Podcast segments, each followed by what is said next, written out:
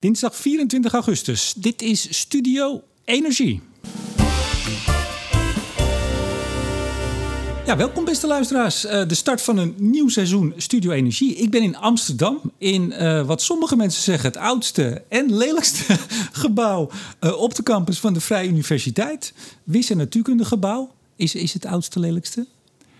Um, het lelijkste wel. Het oudste durf ik niet uh, met zekerheid te zeggen. Nou, ik vind, ik vind het eigenlijk best wel mooi. Het is echt zo'n oud onderwijsgebouw. Uh, welkom aan mijn gast. U hoorde hem al. Uh, professor Guido van der Werf, hoogleraar mondiale koolstofcyclus en landgebruik. in zijn Twitter-bio staat er daar nog bij. Ik doe het maar even in het Nederlands, want het staat er natuurlijk in het Engels. Maar er staat bosbranden, ontbossing en klimaat.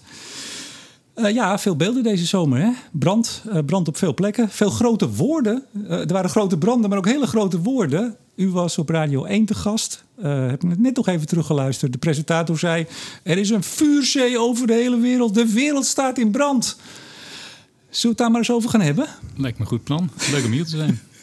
nou ja, laten we zeggen de feiten en de fabels. Want er is wel degelijk wat aan de hand. en misschien soms op een ander gebied dan sommige hmm. mensen denken. Uh, de feiten en de fabels over ontbossing, uh, branden en klimaatverandering. Ja, is dat allemaal zo, hè? Is het allemaal zo erg? En, en kunnen we er nog wat aan doen? Dus bied ons hoop, professor. Ik denk dat dat wel goed komt. Uh. Ja, veel in het nieuws ook, de laatste tijd. NOS, wat was nog meer? Volkskrant, Radio 1, veel quotejes links en rechts.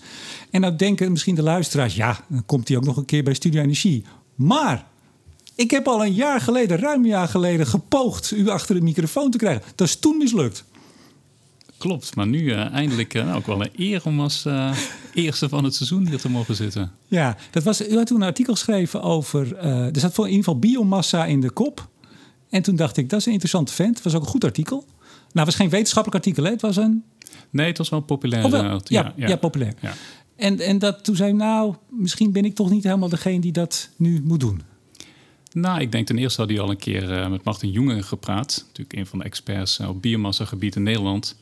Maar op dat moment wel heel veel dingen gaande. En ik denk dat veel van uw luisteraars ook meer op het energievlak. Maar uh, ja, alsnog mooie kans om wat in te halen nu, denk ik. Ja, nou, en ik ben ook heel erg vereerd en blij dat u er bent. Het is gelukt. Daar zitten we op een prachtige zonnige dag. Ik dacht dat het ging regenen, maar dat doet het niet. Ik ben op de fiets. Dat interesseert verder niemand. En ik heb het toch even gezegd. Het cv vind ik altijd leuk. Uh, fysisch geograaf gepromoveerd hier aan de VU. Klopt. Een uh, paar jaar uh, in, in de wereld gezeten. Waar uh, ongeveer? En wat deed u daar? Nou, ik ben hier in 2000 afgestudeerd, maar dat was op basis van een half jaar. Ehm, heb ik tijdens mijn masterstudie half jaar in Amerika gezeten. bij NASA geleerd om met satellietdata te werken, kijken waar bosbranden zijn, waar ontbossing is. En toen teruggekomen naar de, naar de VU, afgestudeerd. En op dat moment kwam er iemand uh, bij de NASA, die ging toen weg, dus was het geld over. Ik had daar een goede tijd gehad. Blijkbaar mijn werkgever was blijkbaar tevreden, dus ik mocht daar nog uh, drie jaar blijven. En toen heb ik uh, met een paar hele goede mensen mogen samenwerken, heel leuk onderzoek kunnen doen. En op basis daarvan uiteindelijk een proefschrift kunnen schrijven. Ja, en nog even naar Californië geweest, naar Caltech. Ja, ik had een mazzel dat ik, ik werkte voor twee mensen. Eentje aan de oostkust, uh, dus bij NASA, en eentje aan de westkust bij Caltech. En eigenlijk elke keer in het najaar, als het koud begon te worden en uh, de bladeren begonnen te vallen, dan pakte ik mijn auto in en dan reed ik van uh, kust naar kust, 5000 kilometer. En dan ging ik de winter in Californië zitten.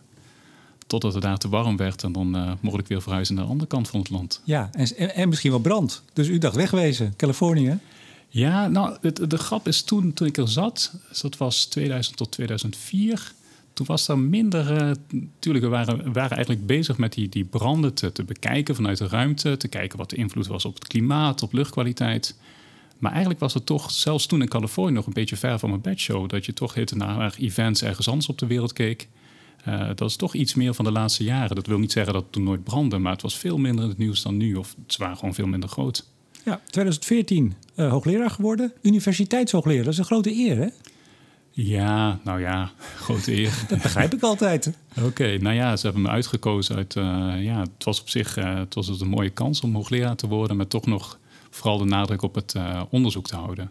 Ja, u geeft wel wat les, maar dat stelt niet veel voor, zeg ik heel even. Nou, ja, dat zou ik niet direct zeggen. Maar inderdaad, mijn, mijn hoofdtaak is nog steeds onderzoek. En natuurlijk, als hoogleraar krijg je wat meer taken erbij. Um, Maar ik ben blij dat ik nog elke week toch nog wel één of twee dagen gewoon achter mijn computer kan zitten, code schrijven, echt met de data bezig. Dat, dat is ook makkelijker met begeleiden van iOS en dat soort dingen, als je toch nog zelf uh, met de data bezig bent. En het, het gaat heel snel met satellietdata. Er komen steeds veel nieuwe databronnen, mooie datasets beschikbaar. Dus ik ben blij dat ik daar zelf ook nog een beetje aan kan werken. Ja, u bent, u bent een van de eerste die satelliet is gaan gebruiken, of de eerste? Nou, we hadden het geluk toen ik, um, ik zat samen met, met een vriend van me toen, toen bij, uh, bij NASA. En er was net uh, Modis, dat is een heel mooi instrument gelanceerd. En we hadden toen het geluk dat er, daar, ja, daar kwamen de eerste datasets beschikbaar. Die waren nog niet gecorrigeerd en zo, maar daar konden we toen een beetje mee spelen. En later op basis van die sensor hebben we ook onze dataset over mondiale branden gebouwd. Ja, ja dat is uh, de Global Fire Emissions Database. Mede-ontwikkelaar, zeggen we dan netjes. Precies. uh, nou, daar komen we zo allemaal over te spreken. Mm. Maar ik, ik, ben nog even gaan kijken. Uh, nou, hij ziet er niet. Uh, hij is heel goed. Het is een topdatabase, heb ik begrepen. Het is, het is, hij ziet er wat minder uit misschien. Klopt wat, uh, qua, nou, we zijn misschien niet de beste met het fancy maken, en, uh, maar daar zijn we wel. Ja, maar dat vind juist goed. We hebben ondertussen ook al geleerd dat dat ook belangrijk is. En kijk, die database die geeft natuurlijk heel veel leuke informatie. En, en mensen willen er ook zelf mee aan de slag gaan. Dus we zijn wel bezig met een mooie webinterface. Nee, niet doen, niet naar mij. Nee, jawel, jawel, jawel. Nee, maar uiteindelijk, het gaat natuurlijk om die data. Kijk, ja. het, is, het is gewoon een dataset voor uh, onderzoek, voor IPCC-rapporten en dat soort dingen. Dus die data moet gewoon goed zijn. Maar het is wel, weet je, je wil ook iets mee kunnen doen. Dus uh, ik denk dat je over twee jaar misschien een wat mooier uh, jasje eromheen ziet. Oh ja. jee, dat heb ik uh, mede op me geweten. Ik had nooit moeten zeggen. Nou, even heel kort nog, ik vind dat leuk. vanaf 2014 al onder de 1% meest geciteerde wetenschappers in uw vakgebied. En dat is wel een groot ding. Ja, dat is wel iets waar ik een beetje trots op ben, ja. ja. Nou, je hebt gewoon lijstjes. Kijk, je, onze taak is gewoon uh, dingen onderzoeken, opschrijven, delen met uh, collega's. En, en inderdaad, dat doe je in, in goede tijdschriften. En Um, ja, als andere mensen dat werk gebruiken, dan citeren ze je. En dan krijg je dus ergens een vinkje. En hoe meer vinkjes, hoe meer je geciteerd wordt. En, en door die database en, en door een aantal artikelen waar ik, waar ik aan heb kunnen werken, die zijn gewoon heel veel geciteerd. En dat, uh, kijk, dat, dat voelt natuurlijk leuk, maar het is ook prettig dat je weet dat je werk wel relevant is. Dus wat dat betreft ben ik daar een beetje trots op, ja. Ja, trotser dan die, ik geloof, een paar miljoen binnengehaald met beurzen. Hè? Dat, dat, dat loopt flink in de papieren. Ja, maar het heeft natuurlijk wel iets met elkaar te maken. Hè? Als je, want dan kan je weer AIOS, promovendi aannemen en die doen wel leuk werk. Uh, nee, ja, dat, dat heeft allemaal een beetje met elkaar te maken. Maar inderdaad, dat, ik, uh, dat dat werk veel geciteerd wordt, dat is wel prettig, ja. Ja. Nog iets vergeten verder in het cv nu? Nee, volgens mij was dat een hele mooie samenvatting. je bent een heel, besche heel, bescheiden man, hè? Dat laten we naar de inhoud gaan. Ja, precies. Nee, maar je wordt er misschien zelfs een beetje verlegen van als ik zo kijk. Uh, maar u bent heel bescheiden, hè? Valt mij op. Oké. Okay. Nee, want u bent een van de. U bent echt top in, in het veld. En u wordt dan uh, iedere zomer komt u, wordt u uh, even in de media gegooid omdat er wat branden zijn. En dan wat korte quotes. Laatst op Radio 1 was negen minuten. Nou, dat was heel veel. Mm -hmm. U krijgt hier ongelimiteerde tijd. Dus dat is ook fijn. Maar um, ja, wel, wel bijzonder om zo'n topwetenschapper in Nederland te hebben. Zeg ik dan even voor eigen rekening. Bedankt, zeg ik. Dan. Goed zo. um, ja, uh, de koolstofcyclus. Dat is eigenlijk u, dat, dat, bestudeert u, die interactie. En dan met name uiteraard ontbossing uh, uh, do, door bosbranden. Neem aan dat er ook andere redenen zijn, ontbossing. Maar bosbrand. Laten we toch even beginnen. Ik zeg het er vaak bij voor de luisteraars, maar het is ook echt zo. We hebben nog steeds weer nieuwe luisteraars erbij. En sommigen die helemaal niet in het veld zitten. Uh, ik, ik, had laatst iemand, een bekend iemand, die zei: Nou, ik luister altijd, maar kan het ietsje, toch misschien af en toe ietsje lager uh, uh, aftrappen, zeg maar. Dus dat gaan we nu ook doen. De koolstofcyclus. Waar hebben we het over? Wat is dat? Ja, de koolstofcyclus hebben we eigenlijk, um, nou, terwijl wij hier zitten en de luisteraar ook thuis, dan, adem je CO2 uit. En dat komt omdat je ervoor iets gegeten, heeft, iets gegeten hebt waar suikers in zitten. En in suiker zit ook koolstof. Dus eigenlijk een cyclus van, van uh, CO2 in de atmosfeer, die wordt opgenomen door planten. Dat vergaat weer, of het wordt bijvoorbeeld voedsel wat wij eten. En dan gaat het weer daarna als CO2 de lucht in. Dus het is een cyclus eigenlijk van koolstof. En je hebt er heel veel verschijningsvormen van. maar de belangrijkste voor ons is denk ik de CO2 in de atmosfeer. Waardoor mede het broeikaseffect natuurlijk bestaat. voedsel is deel ervan. En dat, dat gaat, dus die koolstof gaat van de atmosfeer richting, ons, richting planten, richting ons eten en weer terug. Dus het is een cyclus van koolstof eigenlijk.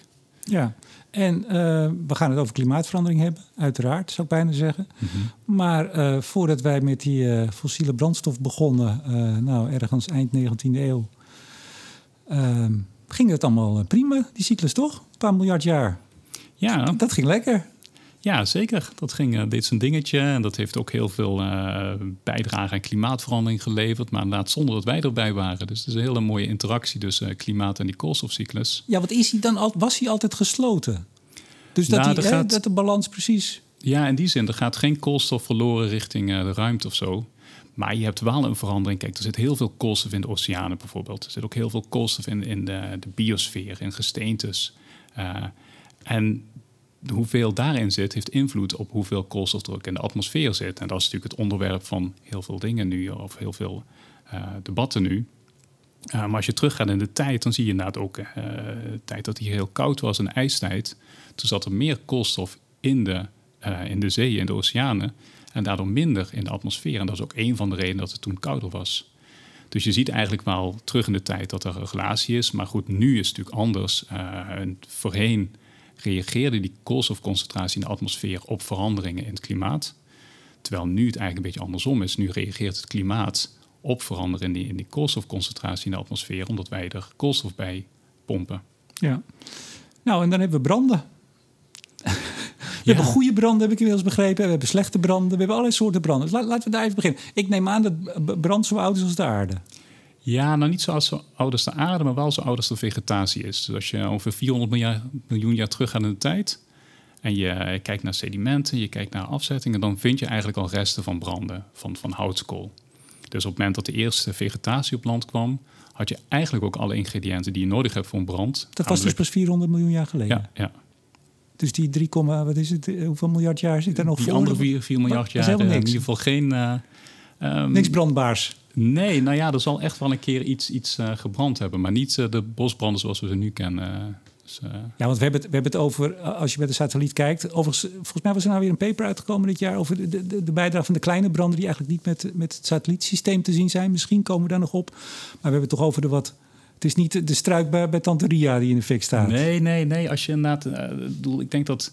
Uh, wij zien natuurlijk veel branden op het nieuws en zo. En dan heb je vaak Californië of in, uh, in de buurt van Sydney. Maar als je kijkt hoeveel oppervlakte ieder jaar verbrandt, is dat ongeveer 500 miljoen hectare. Nou, dat klinkt als een groot getal, dat is het ook. Maar als je dat kijkt hoeveel oppervlakte het is, dat is meer dan de EU bij elkaar. Dus eigenlijk gaat er best wel een groot Ongeveer deel... Ongeveer even groot, toch? Ongeveer, ja. Precies, dit is nog ja, ik heb niet, nagezocht. Ja, nee. Ja, ja, kijk.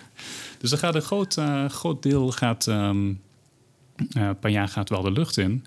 Maar inderdaad, waar je mee begon, goede branden, slechte branden. Ik denk dat als, als dat een van de boodschappen zou kunnen zijn die, die ik over kan dragen, is, is wij zien brand natuurlijk als iets slechts. En dat is ook logisch, denk ik. Hè? Want als je ziet uh, dat het huizen of, of uh, infrastructuur bedreigt, dan, dan kan je dat niet goed noemen. Maar in de natuur is branden ook eigenlijk wel iets goeds. Het zorgt toch voor regeneratie. Uh, het zorgt ervoor dat je, dat je een ander landschap krijgt eigenlijk voor vegetatie dan, dan als je geen branden zou hebben. Ja, wel goed. Het is eigenlijk nodig. Het is nodig, ja. Het is een beetje, ja, klinkt wat cru, maar uh, bedoel, stel dat wij nooit zouden sterven, dan, dan uh, hebben we straks de bejaardentehuizen helemaal vol zitten.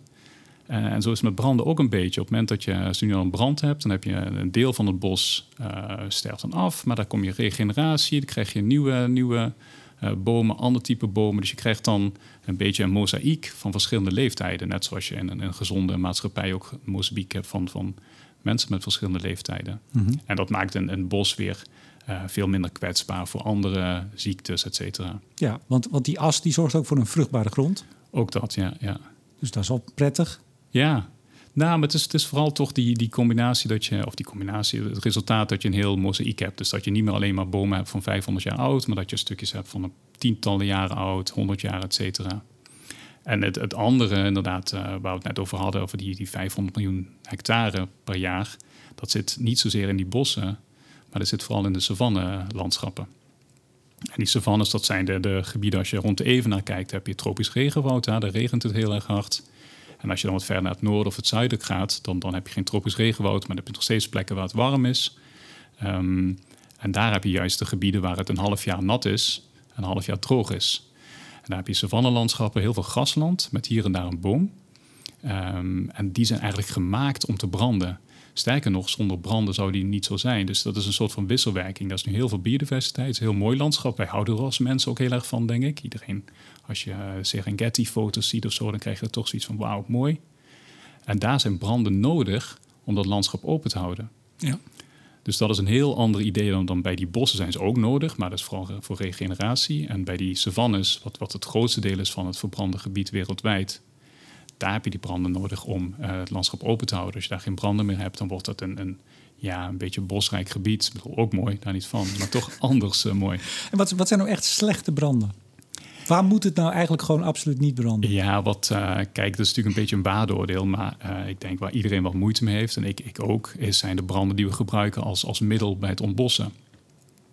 Als jij in de Amazone een stuk, uh, stuk grond hebt. Ja, en je wil tropische bossen. Tropische bossen, ja, ja. sorry. Um, en je wil daar vanaf, dan is, is brand is gewoon het makkelijkste middel om dat te doen. Je wil af van die vegetatie, je wil landbouw of, of koeien laten grazen. Dus dan heb je door slechte branden. En, en wat daaraan gerelateerd is, is denk ik ook um, wat je in Indonesië ziet. Heel veel veengebieden. Die worden ontwaterd om ze te kunnen gebruiken.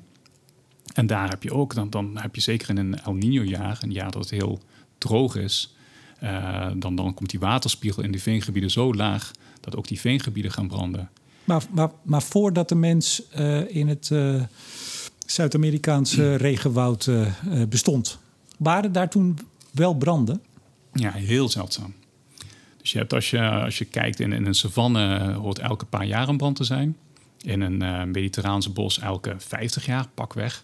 In een boreaal bos elke paar honderd jaar. En in die tropische regenwouden, daar hebben we wel, uh, ook voordat de mens was, hebben we bewijs dat het brandde. Maar dat was dan een heel uitzonderlijke situatie, dat, je, dat het net droog genoeg was dat er toch een bliksemflits was die uh, de brand startte. En dan waarschijnlijk was hij ook vrij klein. Dus dit zijn echt gebieden, is eigenlijk een van de weinige vegetatietypes die gewoon nooit met brand hebben leren omgaan. En daarom is dat denk ik ook een slechte brand, want het heeft natuurlijk veel, ja, als je er woont. ik heb er ooit veldwerk gedaan en toen vroegen mensen, lokale mensen daar ook, die zagen dat wij er veldwerk aan het doen waren. Want we waren aan het kijken naar, naar meteorologische condities boven een onbost en een bubbosgebied. En die vroegen, kan je wat zeggen erover? Dus wij in een schooltje in ons uh, beste Portugees, wat niet zo heel best was, maar, uh, pro probeerden daar wat over te zeggen. Maar dan, dan merk je gelijk dat wij de insteek hadden van dit, dit is slecht, die ontbossing. Terwijl die mensen keken ons aan, dat werd bijna een beetje grimmigs. Van ja, hallo. Uh, ik kan het zeggen, werd u met de, de, de, de plaatselijke riek werd u het dorp ja, uitgejaagd? Ja, die, natuurlijk. En die mensen hadden gelijk. Die wilden ook een leven, een goed bestaan opbouwen. Dus het, is natuurlijk afhankelijk van je perspectief. Maar Um, als we het tropisch regenwoud willen beschermen, zou het goed zijn als we ja, kunnen kijken of we daar niet te veel branden meer hebben. Nou, en, en als ik u hoor, uh, zorgen dat die mensen op andere manieren inkomen verwerven. Ja, er natuurlijk wordt heel veel gedaan, maar weet je, uh, dat ligt natuurlijk ook aan de, aan de regering op dat moment. En uh, ja, je ziet gewoon daar, daar wel een flinke druk is op het, op het tropisch regenwoud. En kijk, Brazilië is natuurlijk het land met het meeste tropisch regenwoud. Heel succesvol geweest. Na een piek in 2004 in ontbossing echt naar beneden gegaan. Maar goed, de laatste drie Wacht jaar. Even, dat, de, de, piek in 2004 was van ontbossing. Was van ontbossing, ja. Dus er wordt nu minder ontbost ja, dan dus daarvoor. Toen, ja, dus toen 2004, dat waren ook echt, heb je het over, over grote getallen. Um, er is toen heel veel gedaan om dat naar beneden te, te brengen. Uh, ook internationaal natuurlijk veel druk geweest, ook financieel uh, veel toezeggingen gedaan. Maar je ziet nu de laatste paar jaar dat dat weer omhoog gaat. Dus uh, daar is nog wel veel te winnen. Want um, dat is misschien een ander onderwerp. Uh, als je het hebt over CO2-uitstoot bij branden, dan is een brand normaal gesproken CO2-neutraal. Want er gaat CO2 de lucht in en na die brand is er weer hergroei. Dus dan wordt die CO2 weer opgenomen. Maar bij zo'n tropisch regenwoud heb je natuurlijk geen hergroei meer. Want uh, daarna wordt de landbouwgrond dus die CO2 die lucht in gaat, die wordt niet opgenomen. Ja, als, dan, het, als het door mensenhanden expres wordt ja, gedaan. Ja, maar daar ga ik nu vanuit. Dat is uh, 99,9 procent van... Uh, daar, daar, komen we zo op, als u het goed vindt. Want we hebben prima. Nu, ja, nee, we, hebben, we hebben de tijd. We, uh, we hebben dus de goede branden en de slechte branden. Ik denk dat dat helder is. Um, ik wil het met u hebben over het aantal. Want u was ook in, met een quote deze maand dat er minder branden zijn. Nou, dat wordt dan meteen nieuws. want uh, het Wereld Natuurfonds had volgens mij vorig jaar nog een rapport. En ik heb nog even dat uh, vooral de ronkende persberichten teruggekeken. U glimlacht al. Uh, steeds meer branden in de wereld was, was het nieuws. En dat is misschien ook wel een beetje... en daarom vind ik het zo fijn dat, dat ik nu met u zit. Dat is wel een beetje het beeld wat door sommige media... sommige NGO's over het voetlicht wordt gebracht. Nogmaals, we ontkennen niet dat er iets aan de hand is. We komen zo nog wel op wat er nou echt aan de hand is... in de zin van bijdragen aan klimaatverandering. Maar dat beeld van steeds meer branden, u zegt dat is dus niet zo. Alleen de oorzaak daarvan is ook weer niet vrolijkmakend? Nou, ja, dat ligt er ook weer een beetje aan. Ah, heerlijk. We zijn hele, nee, dit is allemaal nuance. We gaan toch geen excuus maken voor nuance? Nee, nee, nee. Maar um, als je kijkt naar het totaal aantal branden... of als je kijkt naar het, hoeveel het, het oppervlak dat verbrandt... dan zien we wereldwijd eigenlijk al de laatste 25 jaar zien we daar een afname.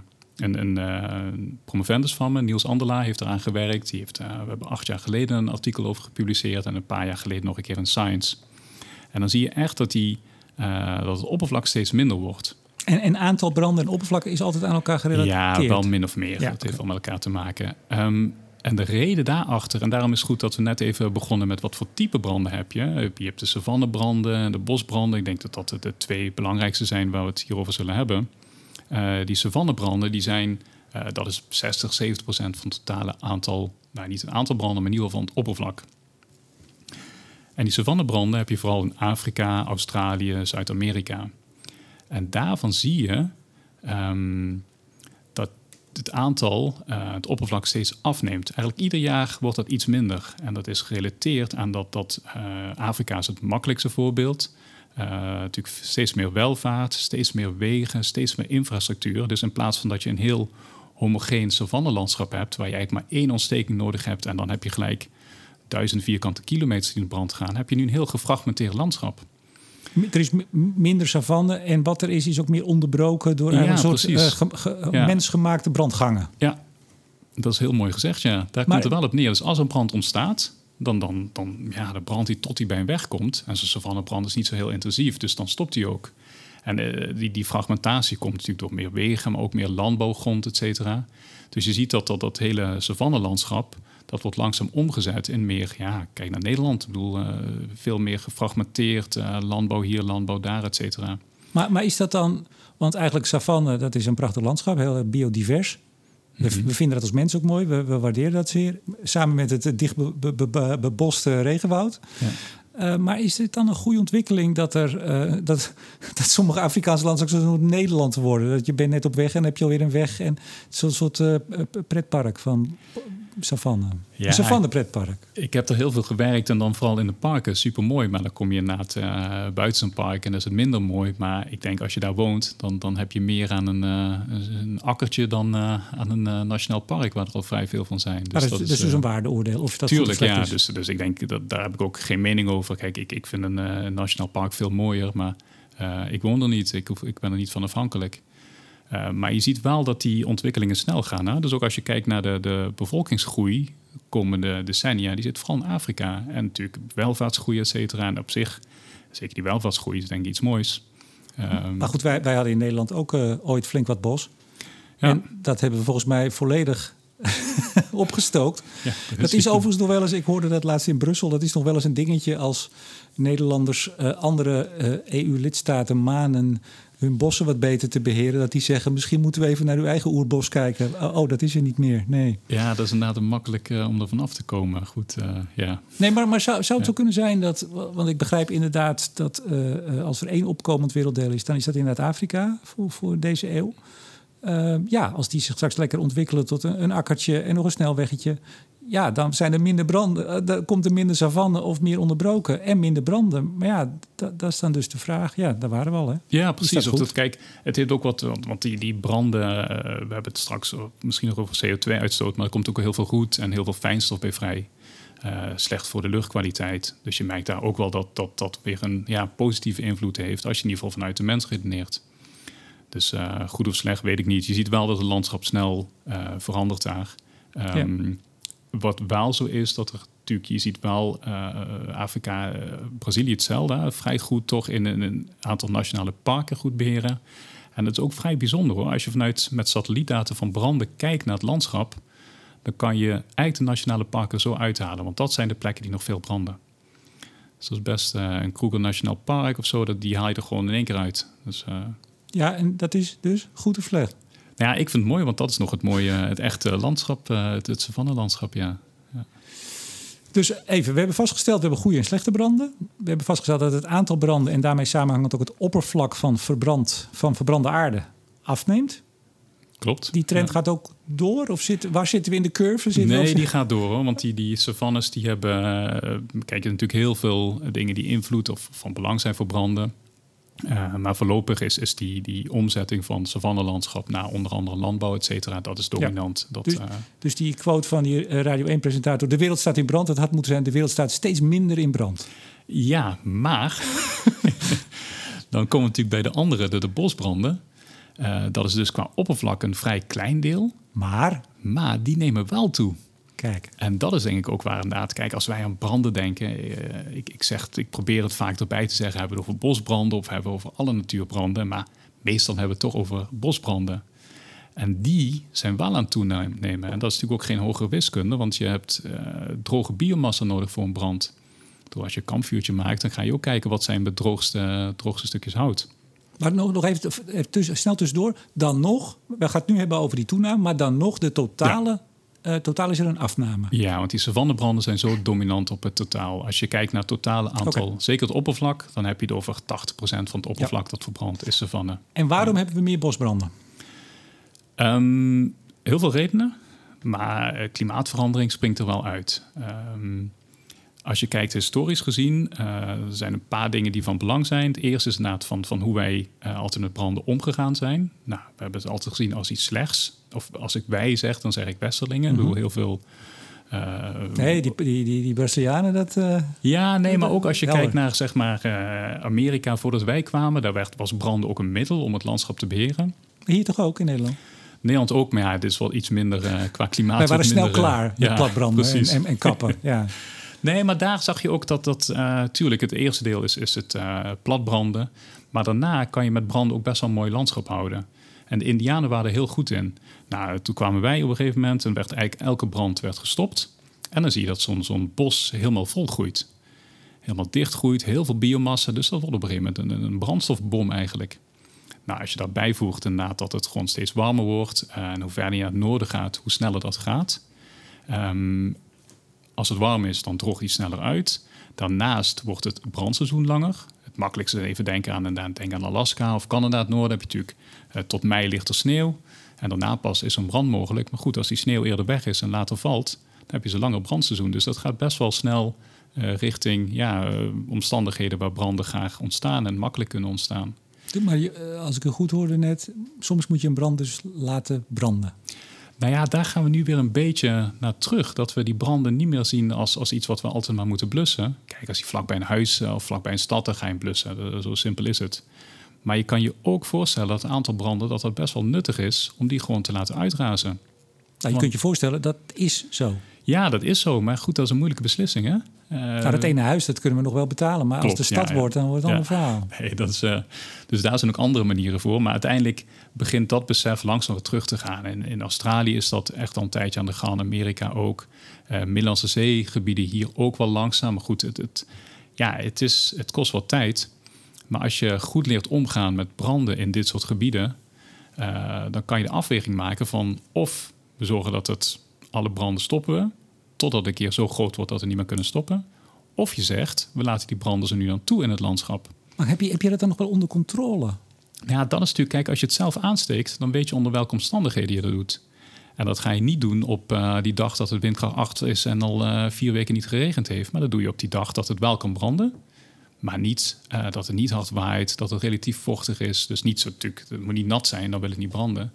Maar als je het doet op een dag dat het wel brandt, maar niet uh, zeg maar controle verliest, dan kan je zorgen dat die eigenlijk die, die, die laag uh, vegetatie die net boven de bodem zit, die moet je eigenlijk weghalen. Ja, brand begint altijd op de bodem. Ja. En het wordt gevaarlijk op het moment dat hij in de kruin komt. En dat noemen we dan in het Engels een fuel ladder, dus een ladder. Uh, dat zijn eigenlijk de struiken en het dode hout, et cetera. Als je zorgt dat dat weggehaald wordt, en dat kan je onder andere doen door te verbranden, mm -hmm dan voorkom je eigenlijk die grote destructieve branden. Maar dat betekent dus dat je branden moet gaan aansteken als overheid. Ook ergens rond de Middellandse Zee. Ja. Um, daar hebben we, oh, dat wou ik u nog vragen. We hebben nu af en toe die hele uh, apocalyptische beelden gezien. En dat was ook vaak het commentaar bij dat mensen op een veerboot uh, moesten vluchten hè, onder de, een enorme rode gloed. Is dat nou omdat er meer camera's en, en, en anders zijn? Of is dat ook iets van alle tijden, zou ik bijna zeggen? Nee, dat is denk ik wel een combinatie. Kijk, er is natuurlijk veel meer aandacht. En uh, nou, je zit ook op Twitter, uh, komt natuurlijk alles voorbij. Uh, ik, ik, kijk, laat ik zo zeggen, er, er is een toename in bosbranden. Maar het is niet dat die verdubbeld zijn in tien jaar. Terwijl, voor mijn gevoel in ieder geval, is, is het veel meer in de media. Dus er is wel een toename, maar ik denk dat inderdaad de, de filmpjes en dat soort dingen echt wel bijdragen aan ja, ons besef dat er branden zijn. En dat, dan voelt het natuurlijk dat het meer is dan vroeger, want vroeger uh, zagen we die beelden niet zoveel. Hm. Maar, maar het feit dat er meer mensen toch ook geëvacueerd moeten worden, of is dat ook niet zo? Is dat ook een, een beeld dat er veel meer ja, evacuaties nou, ik denk, ja, dit jaar was natuurlijk een vrij bijzonder jaar. Hè? Kijk, je hebt, elk jaar is ergens op de wereld is wel een unieke situatie. Dat er veel meer branden zijn dan we tot nu toe zagen. Maar dit jaar was het gewoon op heel veel gebieden tegelijk. Eigenlijk het hele noordelijke halfrond. Nou, dat klinkt wel misschien een beetje extreem, maar hm. vrij veel gebieden in het noordelijke halfrond uh, stonden in de fik.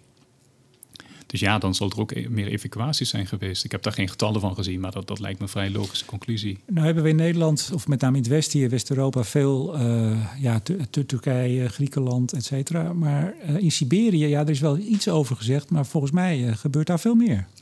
Ja, inderdaad. Ja, goed, dan hebben we het over media en uh, kijk, een brand op het moment dat het in de buurt van een stad uh, woedt. Of, Waar we wel eens op vakantie geweest zijn. Precies, ja. Dat is natuurlijk andere nieuwswaarde dan dat Siberië in de fik ja, staat. daar gaan niet zoveel mensen op vakantie. Nee, en daar heb je natuurlijk ook nog dat die branden daar deels thuis horen. Dus dan zou je het eigenlijk elk jaar... Um, zou het nieuws moeten zijn. Maar daar, kijk, die, die, die opwarming gaat daar sneller dan in andere gebieden. Hè? Ja. Nederland is kleine 2 graden opgewarmd, maar daar heb je het over 4, 5 graden. En daar ga je dit soort dingen echt... Nu al? Ja. 4, 5? Ja. Goed, uh, een groot deel van het uh, jaar is behoorlijk koud, dus dan merk je het verschil niet zo. Um, ja, en dit jaar natuurlijk die unieke, unieke situatie gehad dat je heel veel van die stationaire hittegolf had eigenlijk. Een hittegolf die heel lang mm -hmm. op zijn plek bleef liggen. Um, maar inderdaad, qua grootte is dat totaal anders. Ik bedoel, wij rekenen dan die mondiale uitstoot uit. En dan maak ik grafiekjes van hoeveel het toeneemt. Nou, uh, die extra branden in Europa, daar zie je niet eens in de grafiek. Terwijl uh, in Siberië, daar gaan echt hele grote hoeveelheden koolstof de lucht in. Uh, nogmaals, dat, is, het is een deel van een cyclus. Maar goed, omdat het nu vaker gebeurt, blijft een deel van die koolstof in de lucht hangen. En daarmee versterkt het wel klimaatverandering. Ja. Ik, we komen zo even op de getallen, hoeveel dat dan is. Maar nog even, ehm, dus slecht bosbeheer maakt dat er meer bosbranden zijn. En die, dat zijn dus ook meer en meer oppervlak. Nog steeds totaal neemt het netto af dat hebben we ook geleerd. Uh, maar in Siberië, wat, wat, zijn daar de oorzaken? Is dat, zijn dat natuurlijke blikseminslag, et cetera? Of wordt daar ook plat gebrand? Um, ja, een combinatie. Hoe verder naar het noorden, toch hoe meer blikseminslag de oorzaak is. Maar goed, daar heb je natuurlijk ook heel veel mensen rondlopen die wel een keer per ongeluk een sigaret weggooien of dat soort dingen. Dus er zijn absoluut ook wel meer ontstekingen. Um, maar uiteindelijk, ja, um, je ziet, we zien wel elk jaar dat er een toename is. En misschien wel uh, meer anekdotisch. Um, een collega van me, Sander van Averbeke, die, die is gespecialiseerd in dat gebied. En die schreef een voorstel twee jaar geleden om te kijken naar die branden. En toen hadden we net het jaar 2019 gehad. En dat was echt een record, vooral in het Arktisch gebied. Hè. Dus dan zit je op uh, bijna 70 graden noord, uh, half jaar donker, ijskoud. je denkt, daar komen geen branden voor. Maar daar zagen we toen een record. Hij schreef dat voorstel. Hij moest het daarna verdedigen, het jaar daarna, 2020. En toen was 2020 alweer hoger dan 2019.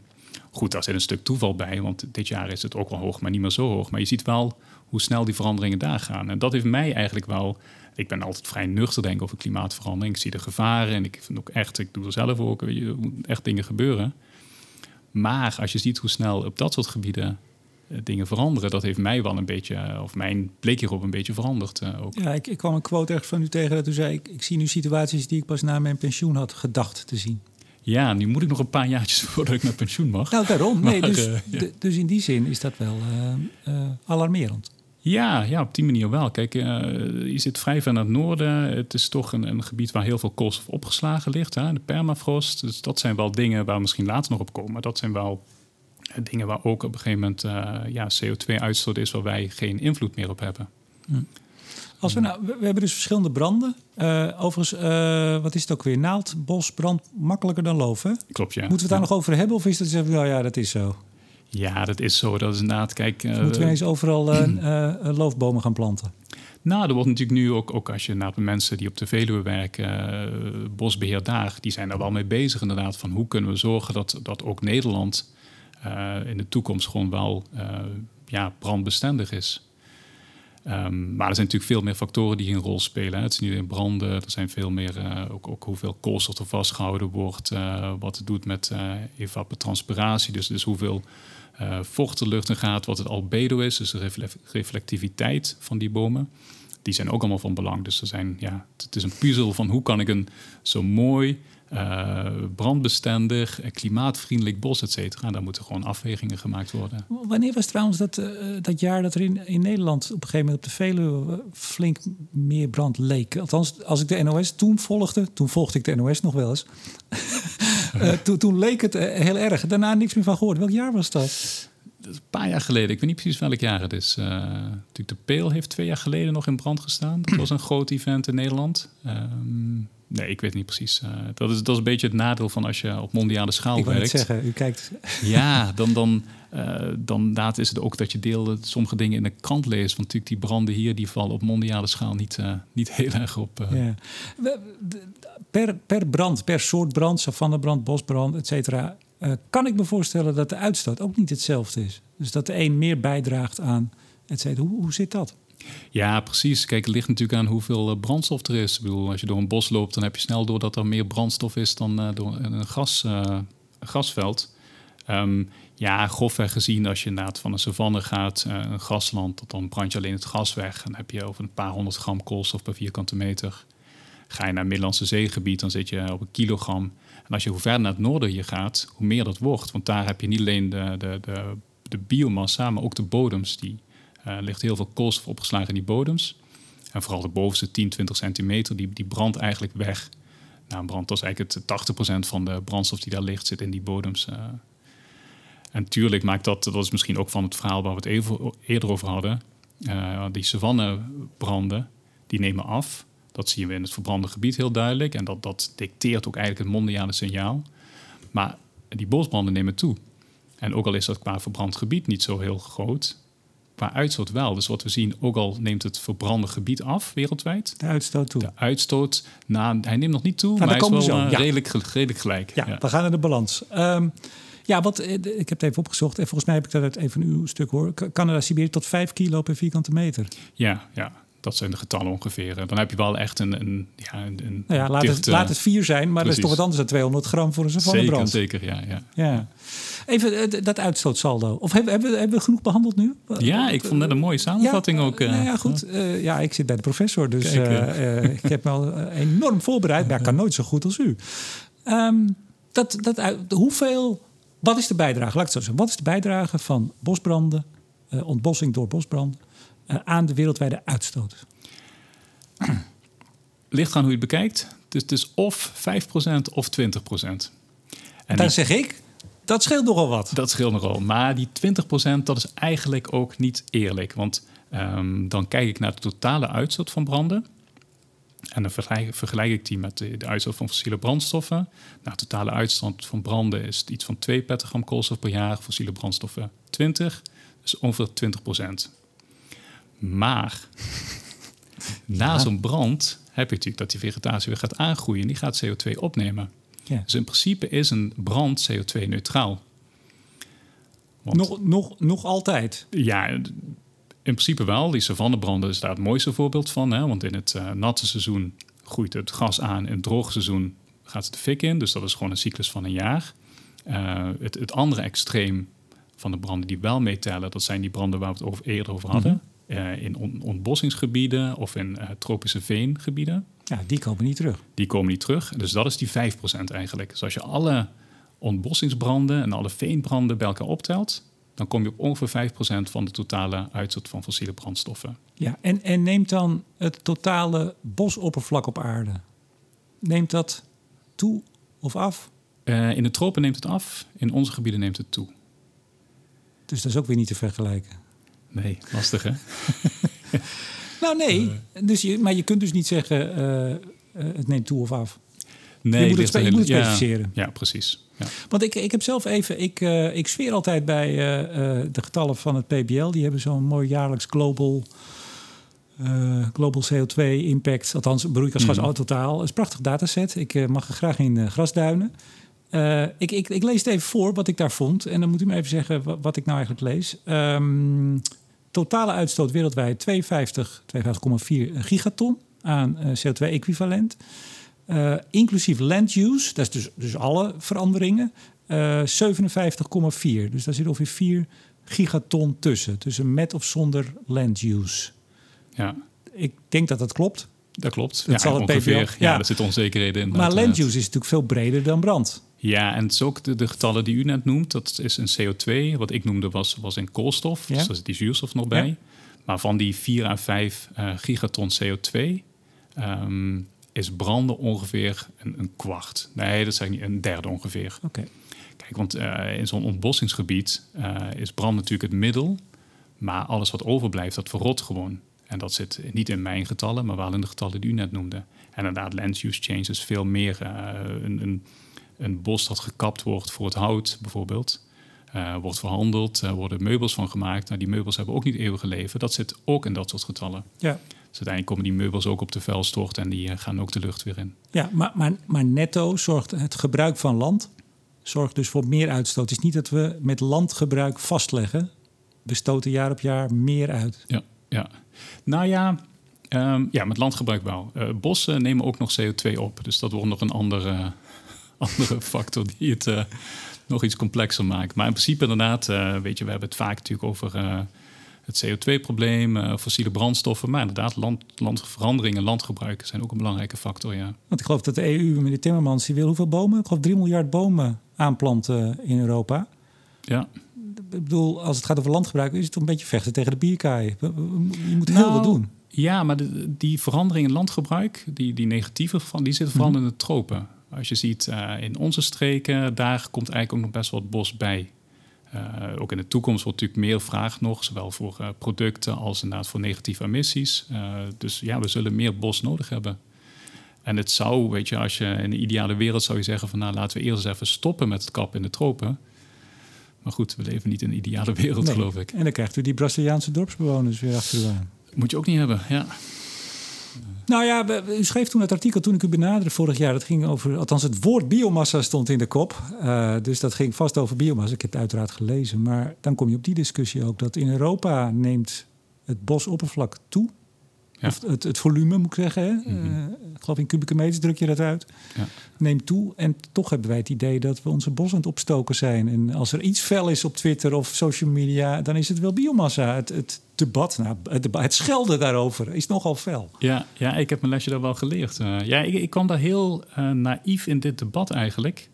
Ehm, ja, mijn de leerstoel is de koolstofcyclus, dus daar weet ik iets vanaf. En op een gegeven moment merkte ik dat er heel, ja, toch wel een paar ehm, gekke uitspraken rondgingen. Inderdaad, van, van ook dat soort dingen van ja, we, eh, we moeten de bossen beschermen en daar ben ik het helemaal mee eens. Maar we hebben ook een deel van ons bos gebruiken voor producten. Ehm, en ja, daar zit ook resten bij. Als we die verbranden, dan, dan levert dat CO2-uitstoot. Maar net als bij die savannebrand wordt dat gecompenseerd door aangroei. Maar ik merkte dat concept, dat, dat, dat beklijfde niet. Ja, dat concept, ik, ik ga even een stapje verder met u. Die werkelijkheid wordt ontkend. Nou ja, kijk, dat, eh, over biomassa kan je heel lang praten. En er zitten echt wel wat gekke dingen. Dus ik, ik, ik Nee, de werkelijkheid minder... van wat u zegt, je gebruikt het, plant weer aan, et cetera. Ja. Als dat goed gebeurt, en daar hebben we hem, Mhm. als dat goed gebeurt, is daar natuurlijk niks mis mee. Nee, dat zou je zeggen. Maar toch is inderdaad, zijn er veel mensen die dat niet helemaal eh, met ons eens zijn. Maar dat zijn geen ik. vakbroeders van u, meneer Van der Werf. Dat zijn Nou mensen ja. die hebben ergens iets gelezen en die horen eens wat en die roepen dan wat. Ja, maar ik denk ook binnen de wetenschap dat daar ook nog wel wat eh, discussie over mogelijk is. Want, want ik, ik denk als, als al mijn vakbroeders eh, hetzelfde zouden zeggen, dan zouden misschien dat, dat maatschappelijke debat ook iets, eh, iets minder extreem zijn. Maar dat, daar zitten ook heel veel meningen bij wetenschappers. Ja, me- me- meningen vind ik prachtig. Maar ik, ik zit hier nu, ik zit hier op audiëntie bij de man die het weet. Dus ik hoop nu toch wel met antwoorden te gaan. Nee, dan gaan we er toch even op door. Wat, wat is dan, even serieus, wat is dan eh, binnen de vakwereld een controverse? Nou, ik denk, ehm, nou, om het makkelijk te zeggen, eh, kan je natuurlijk van twee manieren benaderen. Je kan benaderen dat je zegt, oké, eh, we hebben een grasland, daar gaan we een bos op aanplanten en na 40 jaar gaan we dat bos kappen.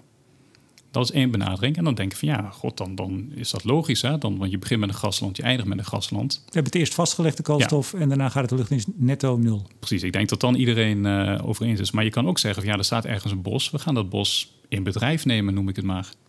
dan krijg je natuurlijk iets andere discussie. Nou ja, als je dan belooft, ik ga het daarna weer aanplanten, ik laat het 40 jaar staan, dan zijn we er ook weer. Maar dan ga je dus wel van een gebied waar al koolstof opgeslagen ligt, naar een gebied waar wat minder koolstof opgeslagen ligt. Kijk, en als je dat helemaal doorrekent, dan is dat nog steeds beter dan uh, verbranden van, van sowieso van kolen en waarschijnlijk ook van gas.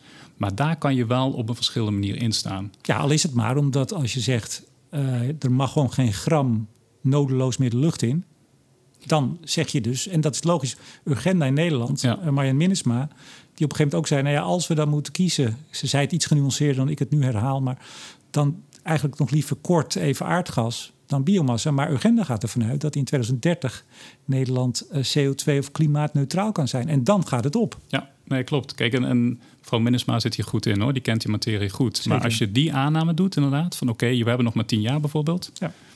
Klopt helemaal. Dan moet er geen boom meer om. Ja, ja. Voor productie en et cetera. Ja. Dat is lastig, hè? Ja. We hebben het nog niet eens over biodiversiteit gehad. Nee, nee, nee. Ja, Wat zo'n productiebos, dat is uh, volgens mij, zo, uh, begrijp ik altijd, zo dood als een pier als het over biodiversiteit gaat. Ja, daar word je niet heel vrolijk van als je daar doorheen loopt. Dat nee. klopt, ja, ja.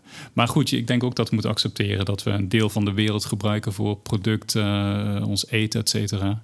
Um, Anders moet het allemaal plastic. Dan moeten we dat weer. Uh... Ja, kijk, en als je nou met z'n allen afspreekt, oké, okay, een deel van de wereld laten we gewoon helemaal uh, vrij. Maar dan, dan laten we dan ook accepteren dat we ja, uh, bedoel, kijk naar buiten Nederland. Ik bedoel, een grootste deel van ons land is ook uh, voor export, et cetera. Weet je, dus het is ook een beetje gek dat wij ons bemoeien met inderdaad andere landen zeggen: je mag daar geen bos kappen voor producten van ons.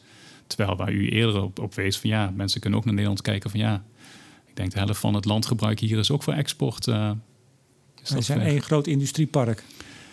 Nou ja, en een groot deel van Nederland is industriepark, ja, als je op die manier bekijkt. Tot, tot slot hierover, en dan gaan we alles uh, zo zoetjes aan een afronding. Um, uh, de, de, de, Scandinavische bossen noem ik ze maar even. Uh, en, en, en, Letland, Litouwen -hmm. en, nou ja, hoe noemen we dat daar? Dat gebied? Ja, het Oostzeegebied. Ja. Ik, ik heb wel eens mijn best gedaan toen ik me nog wat meer met biomassa wilde bezighouden. Uh, met rapporten van de, de Finse forestry uh, uh, toezichthouder, overheidsinstanties. Hè. Ik heb het niet over de productie, hmm. productiebedrijven, verenigingen, Zweden, noem maar op. Ik begrijp, of ik begreep daar altijd uit, dat het netto, het, het volume bos toeneemt. Ondanks hun toch vrij intensieve gebruik voor meubels, papier en ook energie. Klopt dat? Um, tot een aantal jaren geleden zeker. Um, maar je ziet wel in sommige gebieden door toenemende vraag naar biomassa, onder andere. Ik denk dat um, Estland daar een voorbeeld van is. Dat het best wel zou kunnen dat die balans langzaam andersom begint te worden. Nou, u hebt de satellieten.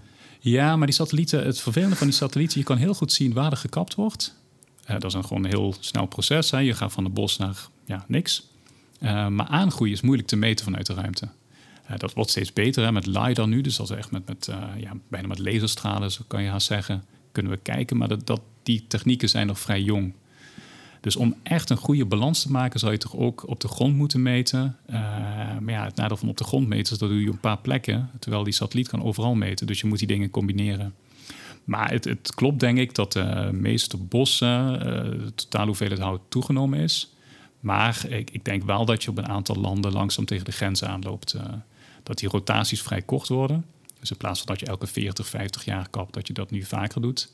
En dat gaat ten koste van de hoeveelheid hout. Maar zelfs dan nog, als je het afzet tegen. Uh, als, je, als je accepteert dat je een deel van het hout gebruikt om kolen bijvoorbeeld uit te faseren, dan zit je nog beter qua CO2. Maar goed, uh, er zijn ook andere oplossingen. Ja, en dan komen er een paar mensen op Twitter die zeggen de bekende uh, zin. Maar biomassa is slechter dan steenkool, meneer Van der Werf.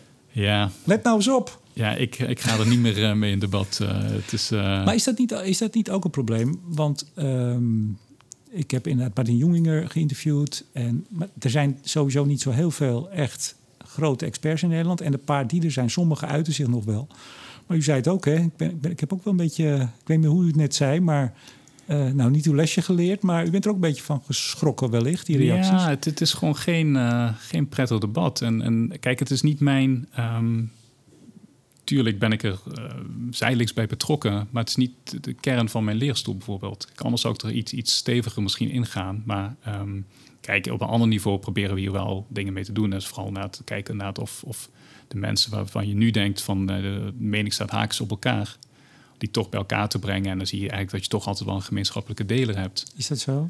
Dat, Ja. dat, dat PBL-rapport en eh, wat was er allemaal? Daar zat ook iets omheen. Had CE Delft het niet gemaakt? Of nee, eh, eh, Jan-Paul van Soest? Ja, maar het belangrijkste is volgens mij dat je met elkaar rond de tafel zit. Als je op Twitter of die rapporten, dan denk je, hmm, maar uiteindelijk Maar de ontvangst van het grote PBL-rapport als basis voor het CER-advies. Eh, nou goed, we, Ja. we- we dwalen af. Het Dat- niet. we zitten hier nou zo lekker even kennis, eh, kennis te vergaren. Althans, ik dan en de luisteraars. Even, wat moeten we doen, professor? Nou ja, het ligt een beetje aan waar je bent. Maar je ziet, eh, kijk, we hebben natuurlijk best wel een paar eh, afgelopen jaren een paar gebieden gezien waar het echt fout ging. En ik denk dat misschien Australië, Zuidoost-Australië, 2019, 2020 een heel goed voorbeeld is. Daar zijn gewoon zulke extreme branden geweest. eh, veel mensen overleden, heel veel schade. Dat, dat moet je eigenlijk voorkomen. Maar aangestoken, slecht bosbeheer of eh, Combinatie. klimaatverandering, eh, niks aan ja. te doen. En, eh, Ja, een aantal dingen kan je natuurlijk weinig gaan doen. Of in ieder geval op korte termijn klimaatverandering zal er even doorgaan. Goed, daar zit natuurlijk wel ehm, de oplossing voor de langere termijn in. ja, want u zegt ook, bedoel, als we nu zouden stoppen, bij wijze van spreken, met uitstoten, dan zitten we zeker nog twintig jaar in een stijgende temperatuur. Ja, ja. Dus, maar goed, je wil niet dat het in plaats van 2 graden uiteindelijk 4 graden wordt. Dan gaat het natuurlijk helemaal fout. Ehm, maar er zijn wel wat lessen geleerd. En, en ehm, ik denk met beter bosbeheer. ehm, kijk, het, probleem nu is dat je, dat je eigenlijk buiten je, comfortzone komt, zeg maar. Die Australische branden waren een heel mooi voorbeeld. Mensen zeggen van ja, eh, de brand zijn aangestoken. Maar op het moment dat die begonnen te branden, die waren zo extreem. Heel veel eucalyptusbos, dat brandt echt als een idioot. Eh, die creëerden eigenlijk hun eigen weer. Eh pyrocumulonimbus noemen we dat. Dus dan, dan ook hele grote wolken en daar kwam weer bliksem uit. Dus daar had je wel heel veel plekken met brandgangen bijvoorbeeld. Maar ja, die bliksem die gaat natuurlijk makkelijk over zo'n brandgang heen. Dus, dus je merkt dat we nu best wel ver zijn. Eh, en dan moet je ook aan wat, wat rigoureuzere maatregelen gaan denken. Dat je zegt van ja, een deel van het bos, dat kan hier eigenlijk niet meer. Of toch inderdaad dat dat eh, voorgeschreven branden, waar we het eerder over hebben, dat je onder gecontroleerde omstandigheden een deel van die biomassa ofwel afbrandt ofwel uit het bos haalt. Nou, is misschien gek, maar is, zou zoiets politiek haalbaar zijn in zo'n staat waar zoveel mensen zijn omgekomen, dat je op een gegeven moment als overheid zegt, we gaan hier nu brand stichten? Ja, het, het, het, moet wel samengaan met goede voorlichting. Want ehm, dat zie je in Californië ook heel erg, waar best wel veel eh, van het, die voorgeschreven branden gedaan worden. Daar heb je wel dat het vaak onder gecontroleerde omstandigheden, met andere woorden, het waait niet hard. Dat betekent dus ook dat er eh, luchtvervuiling vaak best wel lang blijft hangen. Dus dan gaan mensen mopperen van, hé, hey, eh, ja, het is nu eh, elke vijf jaar is het hier, eh, kan Ja. ik niks zien en heb ik last van astma. Maar als je dan zegt, oké, ja, dat is één kant van het verhaal, maar we voorkomen daar wel dat we elke 50 jaar een hele grote brand hebt, dan kan je misschien wel uh, stappen ja, nou is de les volgens mij nou juist dat mensen niet zoveel tegen klimaatverandering willen doen, omdat het nogal ver weg ligt en de nadelen ja, nogal ja, dichtbij. precies. Ja, die tijdsvoorkeur die is gewoon heel moeilijk. Uh, dat, ja. Maar wat kunnen we nog meer doen? Eh, Beter bosbeheer. Het, het ligt dus aan op welke plek op aarde ja. we zitten. Um, ja, het bosbeheer is natuurlijk belangrijk. Die brandgangen die hebben niet altijd zin, maar wel uh, vaak. Uh, het is inderdaad ook, je kan ook aan, aan rigoureuzere maatregelen denken. Hè? Dat je zegt van oké, okay, het is nu zulk extreem. Ja, in het Engels heet het fire weather. In het Nederlands zou het brandweer zijn, maar dat, het, het weer om te branden, dat klopt ja. natuurlijk. Uh, dat je zegt in die periodes worden gewoon uh, de bosrijke gebieden afgesloten. Je mag er gewoon niet in. Om te zorgen dat het niet uh, in de fik gaat. Um, maar goed, het zijn heel veel dingen zijn echt wel lange termijn. Hè? Dus een ander type vegetatie, uh, die brandgangen, dat soort dingen. Um, dat is niet iets wat je in een jaartje doet. Zeker die vegetatie, dat heeft gewoon tijd nodig. Ja. Um, ja, dus er zijn best wel dingen te doen. Maar ik denk ook dat we moeten accepteren dat een brand, ja, ze nu dan gewoon voorkomt. En dat betekent ook van ja, de, de, veel mensen willen natuurlijk graag aan de rand van het bos wonen daar hoort een bepaald risico bij. En je ziet in Amerika al dat, dat na sommige uh, huizen niet meer herbouwd worden, omdat je geen verzekering meer kan krijgen. Verzekeringsmaatschappijen zeggen van ja, als je daar wil wonen, sorry. Ja, kan niet. Dat noemen we dan eigenlijk uh, adaptatie. Ja, dus stiekem ja. wel, ja. ja. Maar dat gaan we natuurlijk sowieso meer zien. Zeker als we over, over, over 30 jaar terugkijken. Mensen gaan op andere plekken wonen. Je, je, je kan twee ja. keer, drie keer je huis in de fik hebben, in Amerika met name. Waar ze toch al vrij licht bouwen. Hè? Toch het idee ja, ja. met hun, uh, de hurricanes. En de vierde keer denk je, nou, nu toch maar eens een stukje verderop. Ja, hetzelfde geldt natuurlijk voor overstromingsgebieden. Ja, het zijn gewoon veranderingen waar we zijn. Ja, er gebeuren dingen en dan moeten we ons aanpassen. Ja. En liefst uh, extreme inderdaad uh, gaan voorkomen. Maar goed, ik, ik, ik hou toch even het optimistische geluid dat het uh, aantal branden en ook het oppervlak afneemt. Precies. Maar de uitstoot. Nu vrij constant, maar. Constant. Ja. Maar op het randje van meer. Uh, van sommige gassen zie je al, bijvoorbeeld koolmonoxide, een gas dat veel bij uh, bosbranden zelf vrijkomt en minder bij savannes, daar neemt het al langzaam toe. Ja. Ja, nou, het einde van een genuanceerd gesprek, dat is dus ook niet eenduidig. Klopt, nee. Ik had nog een quote van u, maar die heb ik, zie ik nou, ik heb natuurlijk altijd wat aantekening bij, maar die is of van, van, bij het printen eraf gevallen, hoe gek dat ook klinkt. U had een mooie dat we vuur of brand moeten we weer gaan zien als niet als vijand, maar als wat zijn we nou? Ja, leren leven met branden, denk ik. Uh, ja. Iets uh, in die geest. nou, dat is altijd mooi. Leren is mooi en brand is niet zo erg of niet zo erg als we altijd denken dat het is. En niet alle branden zijn zo erg als we denken dat Kijk, is. dat is hem. Guido van der Werf, hoogleraar mondiale koolstofcyclus en landgebruik. Hartelijk dank voor het gesprek. U hartelijk dank. En uiteraard bedank ik ook jou, beste luisteraar, voor het luisteren naar deze eerste aflevering van het nieuwe seizoen. Velen gaan er volgen. Mijn naam is Remco de Boer. Graag tot de volgende keer.